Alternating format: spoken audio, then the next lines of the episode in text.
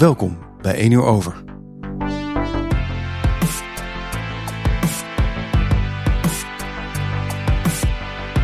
Eén uur over is een podcast voor studenten, waarin er met deskundigen, ervaringsdeskundigen en studenten aan de Hogeschool Utrecht wordt gesproken over thema's waar studenten tegenaan lopen. Ons programma biedt houvast door experts aan het woord te laten en biedt ruimte om ervaringen met elkaar te delen. Is een programma van Podium en het Student Support Center. en wordt live opgenomen in de serre van de Botanische Tuinen in Utrecht.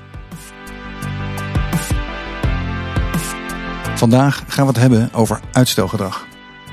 We kennen het allemaal. De moeilijk te bevechten drang om taken die we willen of moeten doen uit te stellen. Waarbij we echt wel weten dat het uitstel ons niets goeds brengt.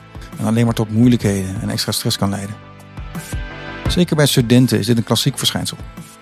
Meer dan 85% van hen geeft aan regelmatig uit te stellen. En 50% zegt zelfs serieuze problemen te ondervinden als gevolg van hun uitstelgedrag. Uitstelgedrag lijkt dus heel onlogisch en zelfs destructief. Waarom hebben we dan deze hardnekkige neiging? Waar komt die uit voort? En in welke mate is uitstelgedrag te linken aan serieuze psychologische symptomen als faalangst, depressie en een negatief zelfbeeld? En uiteraard de hamvraag: hoe kunnen we de cirkel doorbreken? Hoe komen we er vanaf? Dit alles gaan we onderzoeken in deze aflevering van 1 uur over. Aan tafel zitten Shirk Zelstra. Hij geeft bij de Student Support Center de training Leren moet je leren en is docent neurobiologie aan de Hogeschool Utrecht. Daarnaast zit Gadir Dietvoors Dalou. Zij is student Creative Business en studeert af op uitstelgedrag en sociale media. En tot slot Chris Bruin, psycholoog en bedenker van de Studiehuiskamer, waar studenten die vastlopen worden begeleid. Het gesprek wordt geleid door Sieter Vermeulen. Veel plezier met de podcast.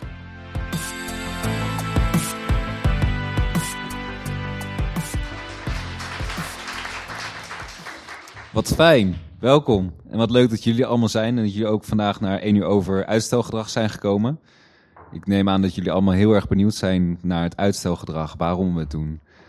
Uh, wat de oorzaken zijn van uitstelgedrag en of we er wat aan kunnen doen. Ik denk dat we er zeker wat aan kunnen doen. Welkom Shirk, Chris. Shirk, jij bent uh, neurobioloog. Jij hebt ook biomedische wetenschappen gestudeerd en een master in neuroscience. Dus jij weet alles over het brein. Uh, je bent ook eigenaar van studenten leren studeren. En daar was ik eigenlijk al heel benieuwd naar. Van studeren, waarom moeten we leren studeren? Kunnen we dat dan al niet? Ik denk dat, uh, dat we heel veel dingen automatisch kunnen leren. Dus zeker ook hoe je moet leren. Uh, ik denk wel dat als wij wat meer handvatten krijgen in hoe je het goed aanpakt, dat je niet vier jaar lang hoeft te proberen erachter te komen, maar meteen van de start weet hoe je het zo goed mogelijk kan doen en het meeste uit jezelf kan halen. Dus hoe eerder je erbij bent, uh, hoe steiler de leercurve is. Oké. Okay. En, en, dat, en die handvatten, wat, wat, wat is dat precies? Want eigenlijk wat ik heb uh, gemerkt, ik ben trouwens, dat heb, ben ik helemaal vergeten te vertellen. Sorry. Vertel. Even een kleine interruptie. Ik ben ook zelf student aan vaktherapie aan de Hogeschool Utrecht. Ik ben ook programmamaker bij Podium. En ik heb eigenlijk in het eerste jaar geleerd van ik kom studeren en ik probeer gewoon de vakken te halen en dat is het. Ja, en dat lijkt me een heel goed begin je moet eerst een beetje gevoel krijgen voor waar je zit, waarom je daar zit. Uiteindelijk is het ook leuk om te weten hoe je het moet gebruiken. Je bent um, toch wel heel erg veranderd. De meeste studenten komen uit de middelbare school, uh, sommigen komen uit het MBO. En uh, je bent niet meer dezelfde persoon als drie jaar geleden. Weet je, ook het brein ontwikkelt zich gewoon zo ontzettend sterk nog in die periode. En uh, je wil eigenlijk ook alles benutten. Dus als jij blijft leren op de manier zoals je dat leerde op de middelbare school, dat was toen misschien wel heel effectief, maar weet je, op de hoger, in het hoger onderwijs heb je gewoon hele andere technieken nodig om het tempo bij te houden, om de diepgang te bereiken. En dan is het handig als iemand je vertelt, nou, waarom begin je niet bij jaar 1 of jaar 2 met deze technieken? Dan heb je nog drie jaar profijt ervan. Ja. Dat is eigenlijk wat ik probeer te doen in die, uh, in die workshops en in, uh, in die omgeving die ik aanbied. Ja. Oké. Okay. En kan je ook wat vertellen over wat nou de oorzaken precies zijn eh, voor, voor uitstelgedrag? Uh, ja, nou, dat is best wel complex. Uh, laat ik daarvoor mee. Dus ik kan niet meteen alles schetsen. Maar ik denk, uh, waar we wel een beetje achter zijn, is dat er drie grote ehm, groepen zijn, in ieder geval, die we dan herkennen. Hè? Dus drie typen, zou je kunnen zeggen. nou, daarvan is impulsiviteit, hè? Dus afleiding. Concentratie zit een beetje tegenaan. Hè? Dus op het moment dat je gewoon snel afgeleid bent door je mobiel, dan is het lastig om daarna weer terug te komen in je studie. Nou, daardoor stel je je studie ook telkens een beetje uit, minder efficiënt. Dat is het ene van. Uh, een andere reden daarvoor kan ook zijn dat je gewoon niet de motivatie kan vinden, omdat je twijfelt of dit misschien wel jouw studie, jouw vak, jouw onderwerp is. Uh, en hoe motiveer je je voor iets waar je niet meteen die uh, fantastische affiniteit mee voelt? Hè? Dus hoe kom je bij die motivatie die nodig is? Dat is een belangrijke reden. Uh, maar ik denk ook dat heel veel, de derde groep, dat heel veel studenten ook heel veel worstelen met: um, kan ik het wel? Lukt het me wel? En Hmm. eigenlijk, misschien niet bewust, misschien onbewust, maar ook um, misschien nog even voor zich uitstellen om dan dat grote werk te doen. Dus als je denkt aan een verslag schrijven, of je staat aan het begin, ik moet nu eigenlijk acht weken lang een verslag schrijven. En uh, ik heb daar acht weken de tijd voor gekregen. En eigenlijk denk je, ja, maar ik twijfel nog een beetje hoe ik het moet aanpakken. Ik doe het volgende week. En dan misschien hoor ik deze week nog iets. En dan stel je het een beetje uit. Terwijl als je denk ik gewoon op tijd begint, dan heb je acht weken lang profijt ervan. Uh, dus eigenlijk uh, om ook los te laten dat je het allemaal op de perfecte manier moet doen en gewoon eens moet beginnen bij het begin. Dat is ook uh, een hele goede manier. Dus dat is een derde groep eigenlijk. Ja. ja, een beetje dat, dat niet perfect hoeven doen in het begin. Het niet perfect hoeven doen. Ja, Mobieltjes precies. is ook echt een, een ding. ja. Die, dus daar eh, gaan we het ook nog zeker hebben met Gadir. Die ja. komt er straks ook. Die heeft ook daar haar scriptie erover. ja, Over de impact van social media op uitstelgedrag. ja, zeker. Ja, afleiding. Ja, Afleiding. En we hebben het in het voorgesprek ook gehad over een quick start in plaats van een quick fix. ja, Kan je daar iets over vertellen? Want daar was ik eigenlijk wel heel erg benieuwd naar. Want we hebben het altijd over van ja, ik moet het fixen. Een quick fix natuurlijk van ik wil dit oplossen. ja, Ik, wil, ik wil eraan werken, maar ik doe het niet. ja. En jij sprak over een quick start. Ja, ja, we hadden het eigenlijk, we waren een beetje aan het voorbespreken en toen hadden we het over van, hè, we, denken heel erg in termen van problemen en, en, en hè, het lukt niet en, we zien, hè, worden punten gemist en, heel erg vanuit de, die kant kijken. Maar dan benadrukken we heel erg dat het een probleem is, terwijl eigenlijk, weet je, je wil kijken naar wat er mogelijk is, wat, wat iemand wel kan laten zien. En we willen veel meer dat die persoon eigenlijk op dat moment kan starten, in plaats van dat we zeggen, hé, hey, je hebt een probleem, hier heb je een oplossing. Dus veel meer denken in, joh, wie ben jij en wat kan ik voor jou betekenen? Ja. Uh, dus een quick start voor die persoon, in plaats van zeggen, hé, hey, ik heb hier een oplossing, uh, succes ermee. Een quick start voor die persoon. Want Ja, eh, Chris, Ja. jij, jij werkt met eh, studenten die ook eh, bij de studiehuiskamer... Jij bent eh, psycholoog en bedenker van de studiehuiskamer. Ja. En ik benoemde in het voorgesprek... Jij werkt met langstudeerders. Maar dat was niet een woord dat ik eigenlijk kon gebruiken, langstudeerders. Eh, want ik ben daar heel erg benieuwd naar, want het gaat om het, het positief ehm, benaderen van deze studenten. Maar ik ben heel erg benieuwd, welke studenten komen bij jou? Nou, er komen eigenlijk heel veel studenten bij ons, bij de studiehuiskamers. Mhm. Maar we hebben dat toch een beetje moeten inbeperken, omdat er te veel studenten worstelen met hun studie. En onder andere dus met de studievoortgang. Dus we hebben ons wel beperkt tot de groep eh langstudeerders. We gebruiken het woord wel, studievertragers. Mensen die er wat langer over willen doen, mag je ook zeggen. Ja. Ehm, maar dit, eh, dat is wat Sjerk ook zegt. Het begint natuurlijk al in veel gevallen bij jaar 1. Want ook in jaar 1 kan je alle allerlei praktische en psychologische problemen hebben die je studie vertragen. Mhm. Maar om het ja, handen en voeten te kunnen geven, zijn we begonnen bij die doelgroep waarbij het evident is dat er iets aan de hand is. Want de meeste mensen gaan niet voor een plezier 8, 9, 10 jaar over een studie doen. En daarom hebben we die als eerste geïdentificeerd als doelgroep. Oké. En maakt het dan uit nog wanneer iemand eh, begint bij, de- bij jou, met, qua leeftijd? Of is, is daar, is daar een, ook een verschil in? Nou, lieve, ik ben dus, dus ooit drie jaar geleden begonnen met eigenlijk iedereen die aankwam waaien. En die worstelde met de studie. Dus de verschillen zijn eigenlijk door de jaren heen best groot geweest. Ik heb iemand gehad die was in het eerste jaar, we wilden graag propenduizen halen om naar de universiteit te gaan. Ik heb mensen uit het tweede en derde jaar gehad. Ik heb mensen van, eh, die 14 jaar over een studie deden. Dus het was een hele gemêleerde groep. Mhm. Waarbij dan voor, voor het thema van nu ook uitstel een van de gemeenschappelijke onderdelen was. Dus het maakt niet zo heel veel uit in welke fase van je studie je bent Mhm. om ook gevoeligheid te hebben voor uitstelgedrag. Dus het is een gemeleerde groep. Je gaat bij iedereen op een ander moment in een andere fase, andere doelen. Hoe ga jij zo dan, hoe, hoe vliegen jullie dat aan? Hoe gaan jullie, hoe werken jullie? Nou ja, wat Sjerk ook zegt, het is best een complex iets. Er zijn vele factoren. Je kan een aantal algemene regels eh, bedenken. Ehm, ik heb een boek meegenomen van eh, Mark Tigelaar over focus. Nou, hij beschrijft een aantal dingen, algemene patronen waarom je wel of niet kan focussen. Dus dat kunnen we aan groep bespreken. Maar wat we ook doen is individueel gesprekken voeren. En dan krijg je precies dat haakje boven water van, oh daar zit het lijntje om iets aan te gaan doen. Want het zijn vaak individuele verschillen. Het is heel verschil of je mantelzorger bent en daardoor niets aan je studie toekomt, of dat je een handicap hebt of dat je eh, psychische eh, belemmeringen ervaart. Dus het is heel individueel. Ja, en je zei al, want er zijn eh, ja, veel mensen, je moest het inperken al, de, Ja. de, de- Ja. qua aanmeldingen. Ja. Dus er is al heel veel animo voor. Ja, er is een onderzoek geweest bij Windesheim en die schatten het op 10% van alle studenten is langstudeerde schuine streep studievertrager.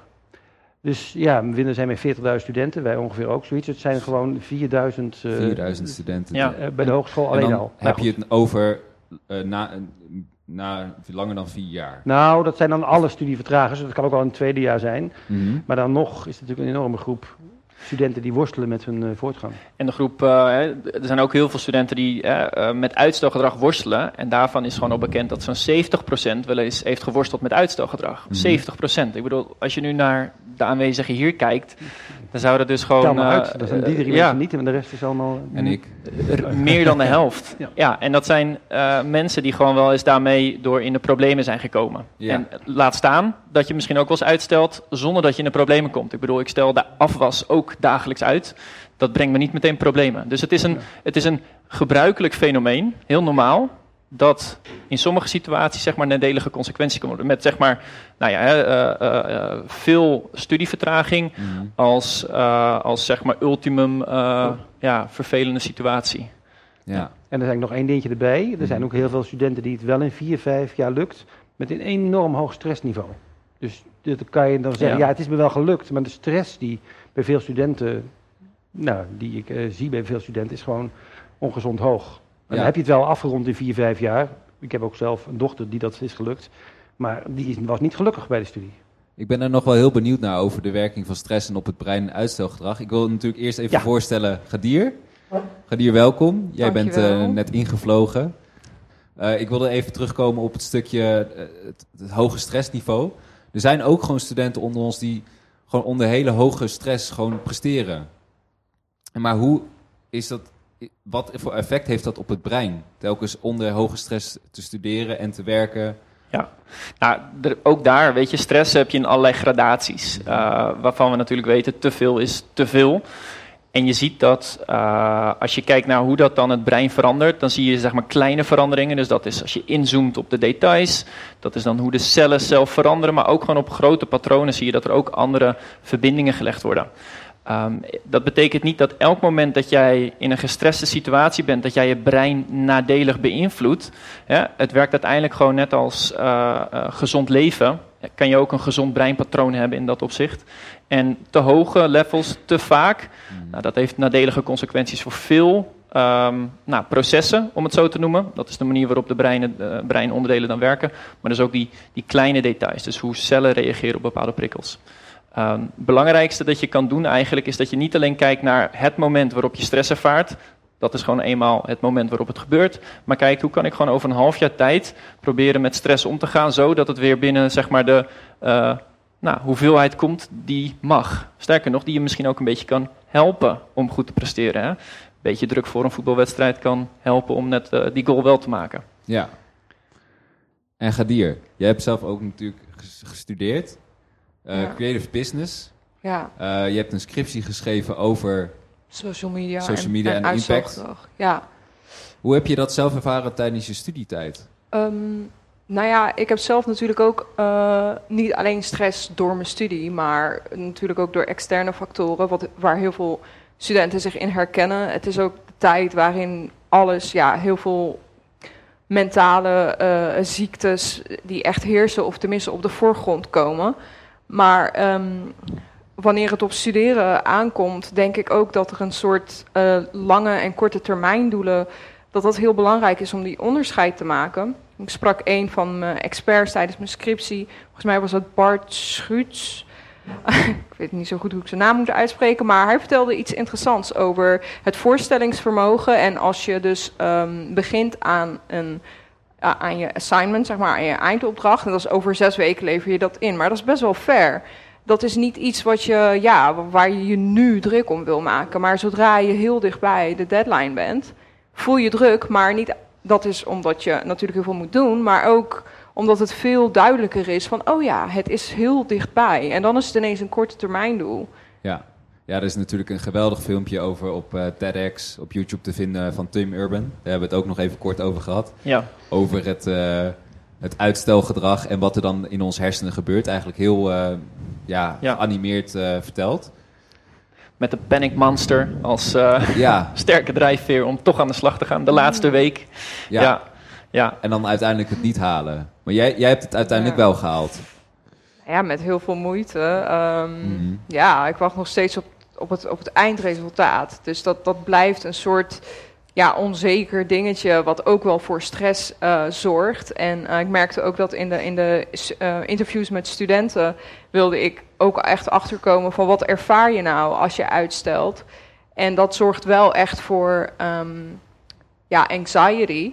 Mhm. En ehm, toch wel angst voor de opdracht. Oh, heb ik het eigenlijk wel goed begrepen? Oh, ben ik nu niet te laat? Oh, wat moet ik nou nog meer doen? Ja, dat sluit heel erg aan bij dat effect van stress dat je kan hebben. Kijk, het brein ehm, werkt eigenlijk als gewoon automatiseren van patronen. Dus als op het moment dat jij één patroon eh, vaak herhaalt, eh, dan zal je brein uiteindelijk ook eh, die patronen versterken. Dat betekent op een nieuwe situatie zal dat patroon zich ook weer sneller herhalen. Want dat is eenmaal, hè, dat zit erin gebijten.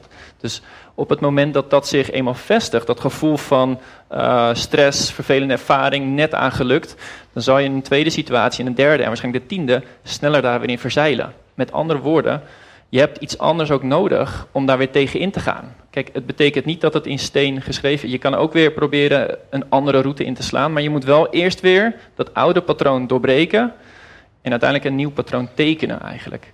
En dat vraagt eh, hè, investeren in, in hoe je het doet, investeren in dat je het kan. Dus ook dat je tegen jezelf zegt, nou, ik heb het misschien één keer, heb ik het met stress gedaan. Nu ga ik het eens een keer op een andere manier proberen. Misschien gaat het goed, misschien niet. Maar waar het om gaat, is dat ik een andere weg probeer in te slaan.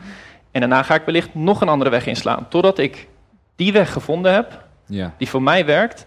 En daar ga ik op voortbouwen. En die ga ik vervolgens dan erin verwerken. Chris, jij wil iets zeggen. Jij wilt daarop reageren. Ja, ja, eerst is het mooi dat wij nu al bij anxiety en angst terechtkomen. Een beetje mijn Mhm. stokpaardje. Want uitstel is vermijden, zou je kunnen zeggen. Je vermijdt om iets te gaan doen. Ja, en vermijden, wanneer vermijd je iets?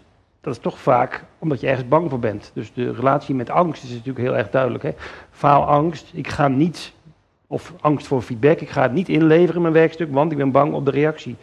Eh, nou, perfectionisme zit natuurlijk ook in de faalangsthoek.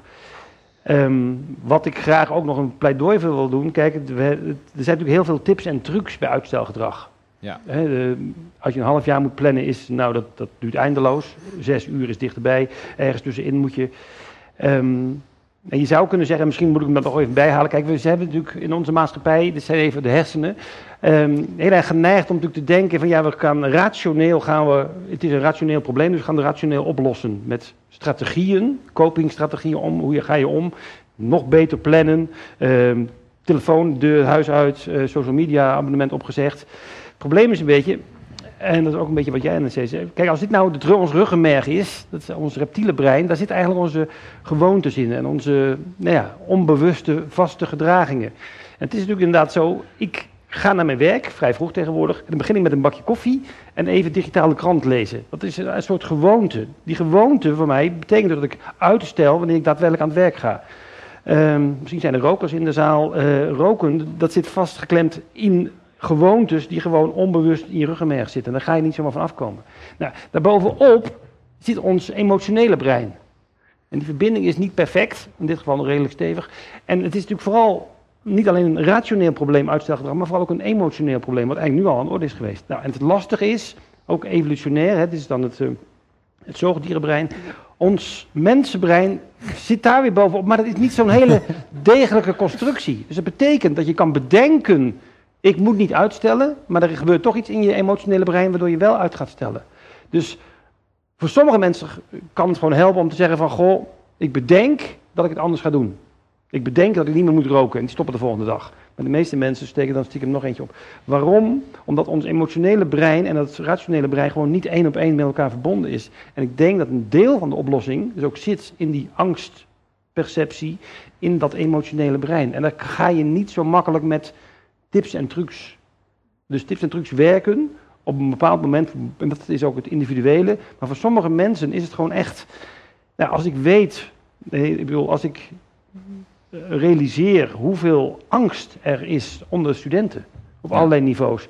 Ja, dan dat ga je niet met een goede tip van, goh, ik heb een goede tip voor jou. Je bent zo bang, hè? Weet je wat je moet doen? Niet meer bang zijn. Ja, dat is een hele rationele goede tip. Gaat niet werken, want het zit op een ander niveau in de hersenen. Ik moet het even omdraaien, maar dan vallen ze om. Het zit een ander niveau van die hersenen. En dat is zo leuk wat, eh, wat Chris ook aanbiedt hoor. Eh, dus eh, de studie Huiskamer, wat het biedt is ook een, een plek waar je gewoon met gelijkgestemden in contact kan komen over, weet je, waar in welke situatie jij zit en, en gewoon eens het daarover hebben. Ik hoor het ook vaak gewoon in sessies terug waarin we ze vijf keer zien, super kort, in vijf weken tijd. En alleen daarom vinden ze het zo fijn om eens een keer uit te wisselen en te zien dat ze niet de enige zijn in hun klas, maar te zien dat er meer. En dat is echt, weet je, een vaste plek, een vaste structuur.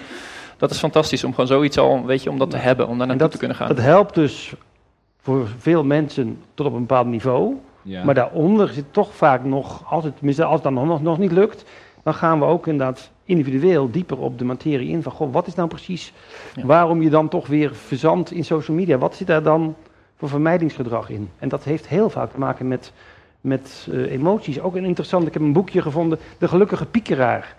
Misschien zijn er wel eens mensen die niet kunnen slapen omdat ze aan het piekeren zijn. Piekeren is een vorm van uitstellen. Want op het moment dat je aan het piekeren bent, ben je eigenlijk niet aan het doen wat je wil gaan doen.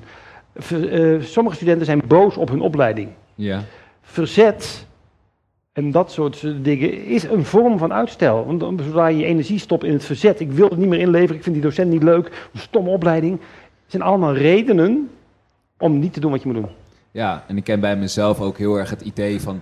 oh ja, ik moet dit doen, ik moet dat doen. Oh, ik moet ook nog de was doen. Oh, ik moet ook nog studeren voor, die, voor dat tentamen. En dan is het vrijdagavond en denk ik van... ja, en nu is het weekend, nu heb ik er geen zin meer in. Dat is, is, dat ook, dat is ook eigenlijk een vorm van, van piekeren. Maar waar ik heel erg benieuwd naar ben... hoe ga je daarmee om op dat moment? Als je in dat moment in, aan het piekeren bent. Nou, als het vrijdagavond is, dan is het misschien. Kan je nog net naar de studiehuiskamer op vrijdag? Want wij zitten vrijdag best. Een aantal mensen weten dat. Zitten best lang op de vrijdag te studeren. De kunst is. Nou, het eerste, je hebt het nu al door. Dus het begint met bewustzijn. Je hebt nu al door dat je dingen niet doet omdat je aan het piekeren bent. En de grote truc is om het aan naar voren te halen. Kan je op een gegeven moment doorhebben wanneer het begint? En in dat beginmoment zit de oplossing.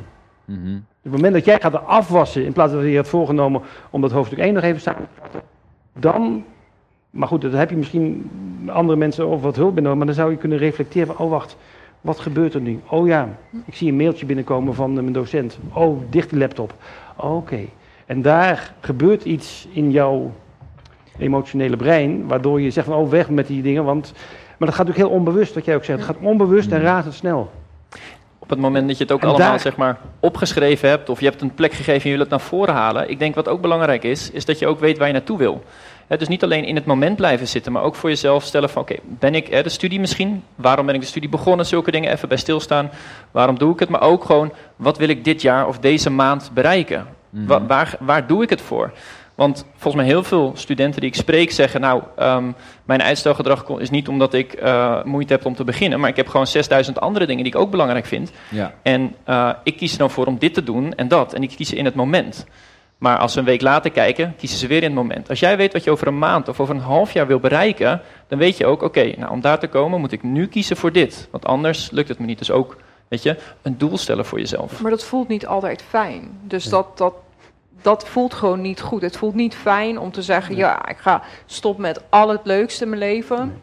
En ik ga me nu focussen vier jaar lang op dit, want ik krijg iets supergoeds ervoor terug. Want Ja. je systeem voelt dat niet. Je hebt geen beloning. Het is een beetje een bloemkooloplossing geassocieerd. inderdaad in die zin. Terwijl je systeem Nou. denkt van... eh, Ja, maar je hoeft ook niet alles opzij te schuiven, denk ik. Ja. Niemand zegt ook, je moet je opleiding op één zetten. Ik zeg, je moet weten wat je doel is. Ik denk een doelenlijst kan ook betekenen, bij mij is dat mijn gezin staat op één. Dat is dus niet mijn werk. Dus dat betekent, mijn gezin bij keuzes, die gaan voor. Dan komen mijn vrienden. Dan komt een georganiseerd leven bij mij. Op mijn vierde plek staat mijn werk. Ja. Dus je hoeft er helemaal niet boven te beginnen met het allerbelangrijkste wat mensen tegen je zeggen dat op één moet staan. Maar het gaat erom, als jij weet waar je het voor doet, dan weet je dus ook waarom je op een gegeven moment een beslissing gaat maken. En dat voelt je dan goed om te kunnen zeggen tegen je boek, nu even niet. Want Ja. ik vind vrienden belangrijk. En op een ander moment te zeggen tegen je vrienden, nu niet, want nu is het boek even belangrijk. Want je weet dat jij daar gelukkig van wordt. maar dat vereist wel zelfkennis. Zeker. En mijn tweede stelling is, ik denk dat we met z'n allen heel weinig zelfkennis hebben. Oké, Mhm. kan je wat Zeer meer niet, ik bedoel, Ja, eh, wij, ik ben het daar echt mee Ja. eens. Ja. Want, Ja. Het is We goed weten- dat het gadier tussen jullie eh, zit. oh toch ja, dat, ja, vertel. Nee, maar ik ben het er mee eens, want eh, ik denk dat het belangrijkste is het begrijpen van, van dat hele proces in je brein. Van, nou ja, wat gebeurt er dan precies als je... Ik heb dan toevallig, ik heb me fo- gefocust op social media en uitstelgedrag. Want zonder dat kan je ook niet toegeven van, hmm, misschien is er iets wat ik wil veranderen. En als je dat ineens gaat eh, voorleggen van, joh, dit is slecht en dit moet je veranderen en je mag niet meer uitstellen, dan verliezen we een soort van eh, autonomie. En daar kan de mens heel slecht tegen. Dat is iets. Eh, daarom vind ik het ook heel belangrijk om die kennis en, en zelfkennis en het, het leren begrijpen van, van het processen van de mechanismen in je brein. Van wat er nou precies gebeurt. Ik vind dat echt het allerbelangrijkste. Want ik weet zeker dat eh, de meeste van ons die hier zitten niet echt weten wat er nou precies gebeurt in je brein. En eh, welke stofjes en welk gebied wordt getriggerd. Terwijl als je er echt naar kijkt, snap je de logica. Denk je, oh ja, ik stel uit, dat zit in systeem 2. Dat is, dat ik moet iets doen. En het zit niet in je oer, eh, oerinstinct, waar we 400 miljoen jaar op hebben geleefd. Dus het is heel makkelijk en heel relaxed om eh, lekker tv te kijken en niet te hoeven nadenken. Want daar hebben we echt miljoenen jaren gedaan. En ineens, binnen 10.000 tussen 40.000 jaar, hebben we systeem 2. En dat is dat intelligente, nadenkende, rationele brein. En we moeten dat ineens gaan inzetten. Ik weet niet precies waar het ligt. maar Ja. dat is wat ik heb geleerd. En ik denk, wauw, eh, dat klinkt eigenlijk nou wel een beetje logisch. Waarom je liever de was doet en eh, je nagels gaat veilen. En een, Mhm. ja, Ja, en jij hebt ook... Hij zei niet dat hij het liever deed trouwens, wel interessant. nou, dat nee, is inderdaad ook inderdaad. alweer iets. Ja. Hij deed het wel, maar of hij het liever Ja. deed, of dat gewoon... Maar ik vind het was. kennelijk belangrijk. Ja, Omdat, zelfs dat kan je misschien... Nou goed, ik weet niet. Eh, ik heb in jouw onderzoek, eh, we hebben er ook over gesproken. En we hebben natuurlijk ook gehad over wat je daar allemaal in hebt gevonden. En wat ik heel erg interessant vond, was dat jij had verteld over... Ja, er zijn allerlei oplossingen, maar die oplossingen willen we eigenlijk niet. ja. Hoe zit dat? Ja, hoe zit dat eigenlijk? Nou, ehm, er, wa- er was dus een lijst waar studenten uit mochten kiezen welk, um, welk onderwerp het interessantst was. En eh, de solution, eh, de, de, de oplossing voor uitstelgedrag was echt de minst gekozen. Maar zodra we het hadden over de neuroscience achter, sorry, het is natuurlijk in het Engels, dus even snel vertalen, de neurowetenschap achter de werking van, van, van, je, van uitstelgedrag, dat was populair. En eh, echt onderwerpen die, waar je iets van kan leren, maar niet per se ehm, suggereren dat je iets moet veranderen. Ja, dat, dat was best Ja. wel interessant. Ook, Het is ook weer niet heel gek dat we dat soort dingen misschien eh, als eerste willen. Want eh, hè, laten we uitgaan dat emotionele brein, hè, dat is in die zin iets dat op zoek is naar snelle bevrediging. Hè. Je wil gewoon plezier, genot in dat, hè, het genotcentrum, Ja. zo wordt het ook wel genoemd. En gewoon even weten hoe het zit, geeft je dan toch even een soort van positieve rush, even een beloning. Mhm. En dat is wat je moet zoeken. Hè? Dus eh, wat zit er voor mij in? Is waar krijg ik die beloning van? En een oplossing is toch al iets wat ver leg zit, wat een investering vraagt. Terwijl bijvoorbeeld even weten hoe het zit. Oh, nu weet ik hoe het zit. Ah, fijn, dat geeft me ook een goed gevoel. Dus de vraag is, hoe kunnen wij eh, voor dingen die op de lange termijn zitten, daar toch een beloningssysteem voor aanspreken? Dus hoe spreken we toch dat emotionele deel aan, Mhm. zodat we die inzetten om dit te bereiken? Oké. Ja. Ik ben er nog heel benieuwd naar. Ik ga er zo op verder in, Ja. want we hebben ook nog iemand die een eh, vraag wil stellen. Wil je je vraag stellen?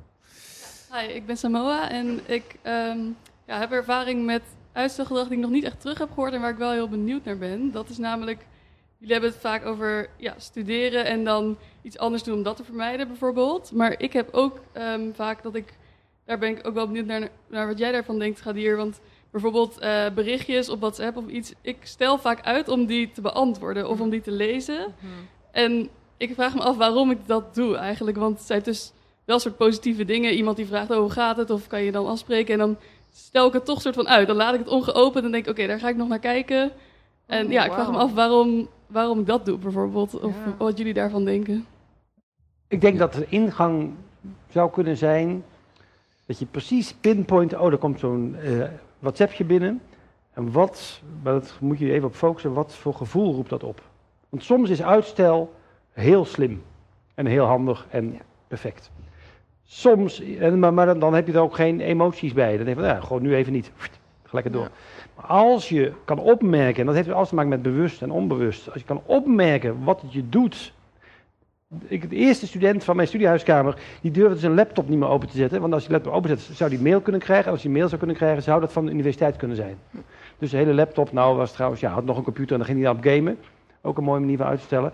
Maar het zit hem dus heel vaak in de prikkel, de trigger. En er zit waarschijnlijk, ja, ik ga het niet over jou oordelen, maar bij de meeste mensen zit er ook een emotie achter. En die kunnen we heel makkelijk wegstoppen omdat we zo druk hebben met andere dingen. Maar als je daarbij kan komen, en dan zal het heel vaak bij veel mensen kunnen zijn, inderdaad wat jij zegt, de angst voor hoe gaat de ander reageren? De verwachtingenmanagement. Ook stel dat ik niet snel genoeg reageer. Maar als ik wel snel reageer, dan denk ik dat ik niks anders te doen heb. Dat ik alleen maar WhatsAppjes beantwoord. Maar als ik te lang wacht, heeft iemand anders alweer... Gere... Nou, dat hele systeem, en dan gaat inderdaad ons emotionele brein ermee aan de gang. Ja, en dat is nu eenmaal evolutionair eerder ontwikkeld, is sneller. Dus dat overrule je zomaar niet. En ja, en dan ga je inderdaad van de weeromstuit, ja, ga je was maar doen. Of stofzuigen. Ja. Heb je iets gehoord dat je herkent? Of?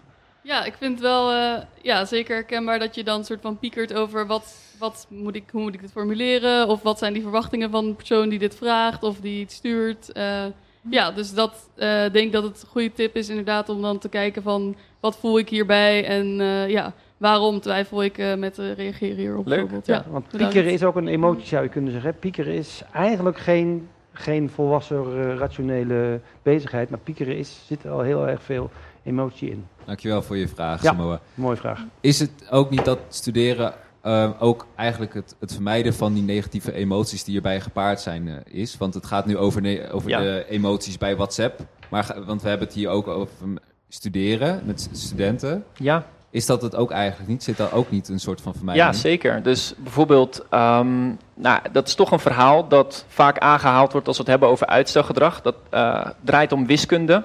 En uh, misschien is het daarvoor dan even leuk om te kijken, toch even een korte check. Is er iemand hier uh, die wiskunde toch wel een van de meest leuke dingen vindt om te doen? Uh, statistiek? Ja, hey. fantastisch. Okay.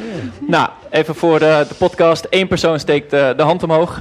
Uh, nou, ja. in die zin, wiskunde is toch iets waar veel mensen tegenop zien, vervelend vinden. En ze hebben dan een lange tijd geleden al, dat is gewoon zo'n bekend verhaal, onder een scanner gelegd, gekeken wat gebeurt er, wat gebeurt er. Zodra mensen dan een wiskundetaak moeten maken, dan gaat er gewoon een pijncentrum wordt geactiveerd. Dus in die zin is het ook niet gek dat er heel vaak ook gesproken wordt over angst, over pijn en... Uh, ik denk vaker ook onbewust dan bewust. Uh, je stelt iets uit omdat je denkt, ja, dan moet ik toch die angst of die pijn tegemoet. Dus, maar dat is ook weer iets waar je mee om kan gaan, weet je. Die, dat zit ook weer, hè, dat zit daar. Maar je kan best proberen om daar weer, weet je, een regulatie over te vinden. Uh, een voorbeeld daarvan is door dingen in stukjes te hakken. Een ander voorbeeld daarvan is door even stil te staan bij de pijn. pijn te plannen. Er zijn heel veel manieren waarop je dat een plekje kan geven, zo, totdat die pijn uiteindelijk kleiner wordt en je uiteindelijk je angst overwonnen hebt. Klinkt mooi, klinkt groots, uh, maar uiteindelijk is er dus wel een route om met die angst om te gaan. Ja. Uh, super mooi. Maar omdat... ik, ik, merk dat ik dit beter begrijp. Dat dit echt veel meer, uh, ja, veel duidelijkere taal is. Misschien is dat wel uh, iets waar we, waar we aan kunnen denken. Dat we dat, we, dat experts zoals jullie, dat die dat echt in een soort um, die informatie kunnen verpakken in in taal die je begrijpt. Want we zijn, merk ik ook wel, met z'n allen echt wel bezig met onderwerpen zoals anxiety en omgaan met uh, um, afleiding. En natuurlijk, we leven in een soort van, ja, we zijn omringd door technologie die ons afleidt, die ons hele goede dingen brengt. Maar uh, zoals je ook net zei onder de scanner, er is ook een studie geweest waar mensen in een soort simulatie, social media simulatie, lagen onder de MRI-scanner. En daar werd echt aangetoond dat het een soort verslavend effect had, als een gamble-machine. Uh, en mhm. dat is ook weer, dat gedeelte in je brein is ook weer geassocieerd met anxiety en OCD. En ik herken dat natuurlijk ook heel erg van mezelf. Want ik heb zelf ook met die, uh, met die dingen rondgelopen en ook professionele hulp gehad. Maar ik merk dat zodra ik uh, moet studeren, echt heel belangrijk een deadline heb, dan komt mijn OCD ook weer naar boven. En ben ik constant bezig met checken en word ik angstig. En zit ik veel vaker op, me, op mijn uh, telefoon. OCD misschien even uitluisteren. Ja, Ja. obsessive Mensen- compulsive Obsessieve disorder. compuls- ja, Ja. obsessieve compulsieve stoornis, ja. Dwang, Dus het, het is eh, echt datzelfde gebied. En ik Mhm. merk ook, oh, ik ben er veel gevoeliger voor om in een loopje te komen. En dat is dat loopje waar jij het net over had, volgens mij. Ja, ook weer een patroon hè. En ik hoor je ook vertellen, je bent nu in staat eigenlijk je eigen situatie te schetsen. Dat is al die zelfkennis die je al hè, nodig hebt om te weten, oh dit ben ik, dit kan ik doen. En dan heb je een beetje dat kijkje onder de motorkap. Je hebt ook nodig om te weten, oké, eh, dit is wat ik zie, dit is wat eronder zit. Dus als ik hier aan deze knopjes draai, dan kan ik dat verbeteren. Weet je, het brein is wat dat betreft net een motor in een auto. Weet je, hij kan Mhm. 300, maar niet als jij niet telkens in versnelling 1 blijft zitten. Dus op het moment dat je weet hoe die werkt, dan kan je ook proberen om andere prestaties te krijgen. Misschien hoef je geen 300, misschien wil je gewoon lekker bochtjes doen. Maar zodra je weet hoe je eraan kan draaien, dan weet je hoe het werkt. Ja. Ja. Even, even voor dat, even Ja. klein, want eh, ehm, en dat is waar. En mijn pleidooi is dus, we weten heel vaak niet waar we aan moeten draaien. Of we hebben een beeld van ons brein, hoe dat ook komt, waardoor we wel aan allerlei knopjes draaien. Maar, maar de vraag is wat het effect is. Wat ik zelf ook wel een interessant onderscheid vind, wat we ook bij de studiehuiskamer doen. Je hebt coping, dus omgaan met bepaald Mhm. gedrag. En je hebt tegenover het Engels doen healing. Nou, wat wij proberen is, je ga, proberen om te gaan, dus niet genezen, maar om te gaan met het bijvoorbeeld uitstelgedrag. Ja.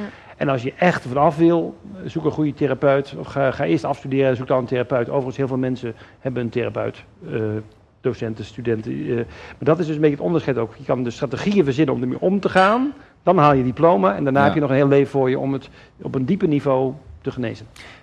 Ehm, dingen doen, eh, ook voor school, ze eigenlijk dopamine op moeten leveren. En ik weet dat het bij ADHD een beetje in een disbalans zou zijn, of dat het niet helemaal zo werkt als dat het zou moeten werken. Maar is dat eigenlijk niet eh, de tegenhanger van de anxiety die je ertoe zou moeten zetten om iets eh, af te maken of om iets te doen wel leuk te vinden en wel die eh, reward te krijgen, misschien ook op korte termijn, zeg maar. En ik vroeg me af hoe dat dan werkt om een soort van die anxiety tegen te werken. Nou, mooi. Dus hoe kan je anxiety eigenlijk verminderen en daarmee eigenlijk de beloning meer opzoeken? Nou, volgens mij het zijn twee eh, hele grote begrippen ook. En dat is ook zo lastig, denk ik. Anxiety heeft ook gewoon zoveel oorzaken weer. Eh, maar als de anxiety natuurlijk als probleem, als, als, als, als, als onderdeel bekeken wordt, dan kan je wel proberen om, om door daaraan te werken, dan volgens zeg maar, ruimte vrij te maken voor wat er eigenlijk in het brein ook al gebeurt met betrekking tot beloning. Het is weer een ander systeem.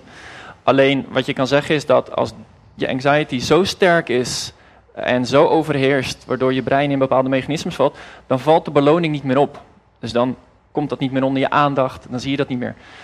Uh, dus ook daar weer door dat probleem naar beneden te halen, of eigenlijk die situatie naar beneden te halen, en dan, dan krijg je dat de beloning zichtbaar wordt, en dan kan je ook gaan werken aan het versterken van de beloning. Ik weet niet of dit per se jouw vraag beantwoordt, uh, maar het is denk ik goed om te zien dat het twee systemen zijn. Ja, ik En- wil even ja. aanhaken trouwens, want die vraag stelde ik mijzelf ook. Want ik dacht, oké, maar dopamine, is dat dan niet happy feelings? Maar er is dus een soort misvatting, want eh, dopamine, eh, eh, of, of tenminste dat, dat centrum in je brein die daarop reageert, dat is eh, geassocieerd met arousal. Maar arousal hoeft niet per se goed of slecht te zijn, of happy feelings of bad feelings, maar het is dat... Dat heb ik bijvoorbeeld nu ook. Ik zit hier en ik, ik voel die arousal. En een paar jaar geleden zou ik ja, een angstaanval eh, kunnen aanwakkeren. En, eh, of je kan er heel blij van worden. Dus wat je nu beschrijft is heel herkenbaar. Maar ehm, zodra je de betekenis, je brein kent de betekenis eh, blij of niet blij niet echt in dat gebied van dopamine en arousal. En te veel, veel, te veel dopamine hoeft ook niet te betekenen dat je blij bent, maar het kan zelfs tot stoornissen leiden, zoals ja, hallucinaties en zo. Maar ik zeg niet dat jij dat hebt, maar dat wordt geassocieerd. Dat zou zo. Ja, precies. Maar, maar ik snap de vraag heel goed, want ik vroeg me dat ook heel lang af. Van, nou ja, als ik veel Ja. dopamine heb, ben ik dan niet gewoon heel blij? Dat is dus niet Ja, zo. nou, je moet inderdaad het systeem onderscheiden van eh, de berichtgeving in het systeem. Dus dopamine speelt in beide systemen, is het een onderdeel van de berichtgeving. Uh, dus als je dan de dopamine levels gaat aanpassen, dan beïnvloed je beide systemen. Maar de manier waarop die systemen werken zijn weer gescheiden van elkaar. Dus dat betekent dopamine in het ene systeem heeft een heel ander effect dan dopamine in het andere systeem. Oh. Dus dat is het verschil tussen weet je, de breindelen en de berichtgeving daartussen. Uh, en daarom, weet je, is het belangrijk om met die anxiety inderdaad, weet je, een beetje spanning is goed, te veel is niet goed. En die moet je dan apart proberen aan te pakken. En medicijn, medicijnen zijn, is één manier, maar dat zijn vaak paardenmiddels waarmee je gewoon een enorme boost aan alles in het brein geeft. Daarom is denk ik gedragstherapie bijvoorbeeld, of eh, gedragstechnieken of gedragsverandering, is een hele mooie manier waarop je dan eigenlijk systemen specifiek kan bedienen. En dan eigenlijk andere systemen daarna weer omhoog kan halen. Dat is niet voor iedereen mogelijk. En daarom zijn er ook medicijnen om in één keer een paardenmiddel te geven. Maar in het geval dat dat geen middel is, dan is het heel mooi om met technieken en therapieën om dan systeemspecifiek te werken. Ja. Heel erg bedankt voor je vraag en je openheid. Ik uh, zie meteen nog een nieuwe vraag, want we, laten gewoon meteen met de vragen doorgaan. Want we zijn bijna aan het eind van de, deze serie alweer, van deze editie. Dus uh, ja, stel je vraag. Oké, okay, nou ik heb nog wel, ik ben Jasper. Uh, ik heb nog wel een vraag. Hoe kan ik gezond leren uitstellen? Want ik merk soms dat ja. als ik uitstel en alles wat ik wil doen, dat haal ik. Dat ik denk, ik ben echt een koning in plannen, dit moet ik vaker doen. En ik kan soms ook, als ik precies hetzelfde doe en het net niet haal, er zo gruwelijk van balen dat ik alsnog dat YouTube filmpje op de bank heb gekeken. Dus hoe kan ik uitstellen tot een kracht maken in plaats van dat het ja. misschien Super mooi. Goeie vraag. vraag ja. ja. dat wil ik ook. Nou, het begint met zelfkennis. Dus allereerst weten wat is voor jou zeg maar de beloning. Waar krijg jij die beloning uit? Dat is het eerste waar het mee begint. En daarna zijn er verschillende stappen die je kan gebruiken om die beloning aan te gaan spreken. Uh, dus ik ken jou nog niet, Jasper. Maar ik zou zeggen van, joh, waarom ben je begonnen met de studie? Wat vind je zo leuk aan de studie? En, uh, en dan ook een beetje de sweet spot vinden van uitstelgedrag. Weet je, niemand is in staat acht weken voor tentamen te gaan leren. Nou, weinig zijn in staat acht weken voor tentamen te gaan leren. Oké, dat hoeft ook niet. Weet je, ik ben ook niet acht weken voor een wedstrijd bezig om mezelf te visualiseren hoe ik die goal ga scoren. Je moet de sweet spot vinden. Maar het begint met, oké, wie ben ik? Ben ik, uh, hoe, uh, hoe geprikkeld ben ik door afleiding? waarom vind ik het belangrijk om mezelf te motiveren voor deze studie? en hoe beloningsgevoelig ben ik? Dat zijn misschien drie vragen waar ik mee zou beginnen. En dan gaan we zoeken naar de sweet spot. Dus telkens net een ander stapje zetten. Ja, dus um, misschien niet een formule of een recept, maar een, meer een methode. Ja. Ah, top, dank je. maar wel een beetje een bloemkoolachtig antwoord natuurlijk. Uh, want het is maar de vraag of jouw emotionele... Ja, we moeten dat toch even... jouw emotionele brein dat ook zo vindt. En uh, nou goed, dat is een ander... Het zijn twee paradigma's waarop je kan kijken op gedragsverandering... die elkaar zeker kunnen raken. Maar we zitten gewoon in een maatschappij waarbij rationaliteit hoog in het vaandel staat. Terwijl we ook weten dat we eigenlijk worden gedreven door onbewuste emoties. Maar omdat we onbewust zijn, is het ook niet makkelijk om daarbij te komen. En een ander aspect wat niet voor ene meer behandeld kan worden, helaas, eh, maar wat een beetje ook in die bloemkool zit. We, veel mensen hechten veel waarde aan motivatie en aan intrinsieke of extrinsieke motivatie. En zelf denk van ja, het is helemaal niet zo interessant, want ook dat is weer een heel complex, individueel en situationeel uh, iets. Op een moment kan je ontzettend gemotiveerd zijn om te gaan koken. En de volgende dag denk je van, goh, ik uh, ga wel even naar de Febo. Kortom, dat is ook niet een persoonskenmerk, maar het is een gedragskenmerk. Maar doordat we dus heel veel richten op uh, ja, de rationaliteit achter motivatie. Je moet ook allemaal intrinsiek gemotiveerd zijn, hè, weer succes hebben in je studie. Nou, onzin. Moet ik intrinsiek gemotiveerd zijn om te gaan eten of naar de wc te gaan? Nee, ik moet gewoon naar de wc. Uh, huppatee, ben ik weer vanaf. Dus jouw voorbeeld, het is ook goed om te bedenken. Soms is uitstel nogmaals niks mis mee. Soms voel je je rot. Nou, en dan ga je, wat mij betreft, naast die uh, bloemkool, ook kijken, goh, wat, wat maakt me nou zoveel rot? Of wat, wat is nou eigenlijk dat emotionele deel ervan? En beide kunnen elkaar aanvullen. Om uiteindelijk dan ja, echt tot en omgaan met en echt de veranderingen te verwezenlijken. Ja, zal ik het even kort even nog samenvatten Ja, en dan graag, ja. eh, misschien nog een vraag en dan eh, gaan we gewoon afronden. Want we hebben het gewoon al gehad over, nou ja, ten eerste, eh, wat zijn de oorzaken van uitstelgedrag? We hebben gekeken naar de werking van het brein, stress. Eh, nou, heel erg bedankt ook voor je bloemkool en je appel, eh, voor de visuele weergave van hoe het in ons brein, en niet alleen rationeel, maar ook in ons reptiele brein werkt. Goed. En Gedier natuurlijk voor jouw bijdrage ook heel erg bedankt. Dit was het dan. 1 uur over. Deze podcast is een productie van Podium, het cultureel studentenplatform van de Hogeschool Utrecht en het Student Support Center. Hou onze website in de gaten voor de volgende afleveringen en volg ons natuurlijk op onze socials. Live presentatie was in handen van Besite Vermeulen. Podcasttechniek, Studio Bartolomee. Programmaproductie, Sanne Buitenhuis, Josien Oudemans. Bedankt voor het luisteren en heel graag tot de volgende podcast.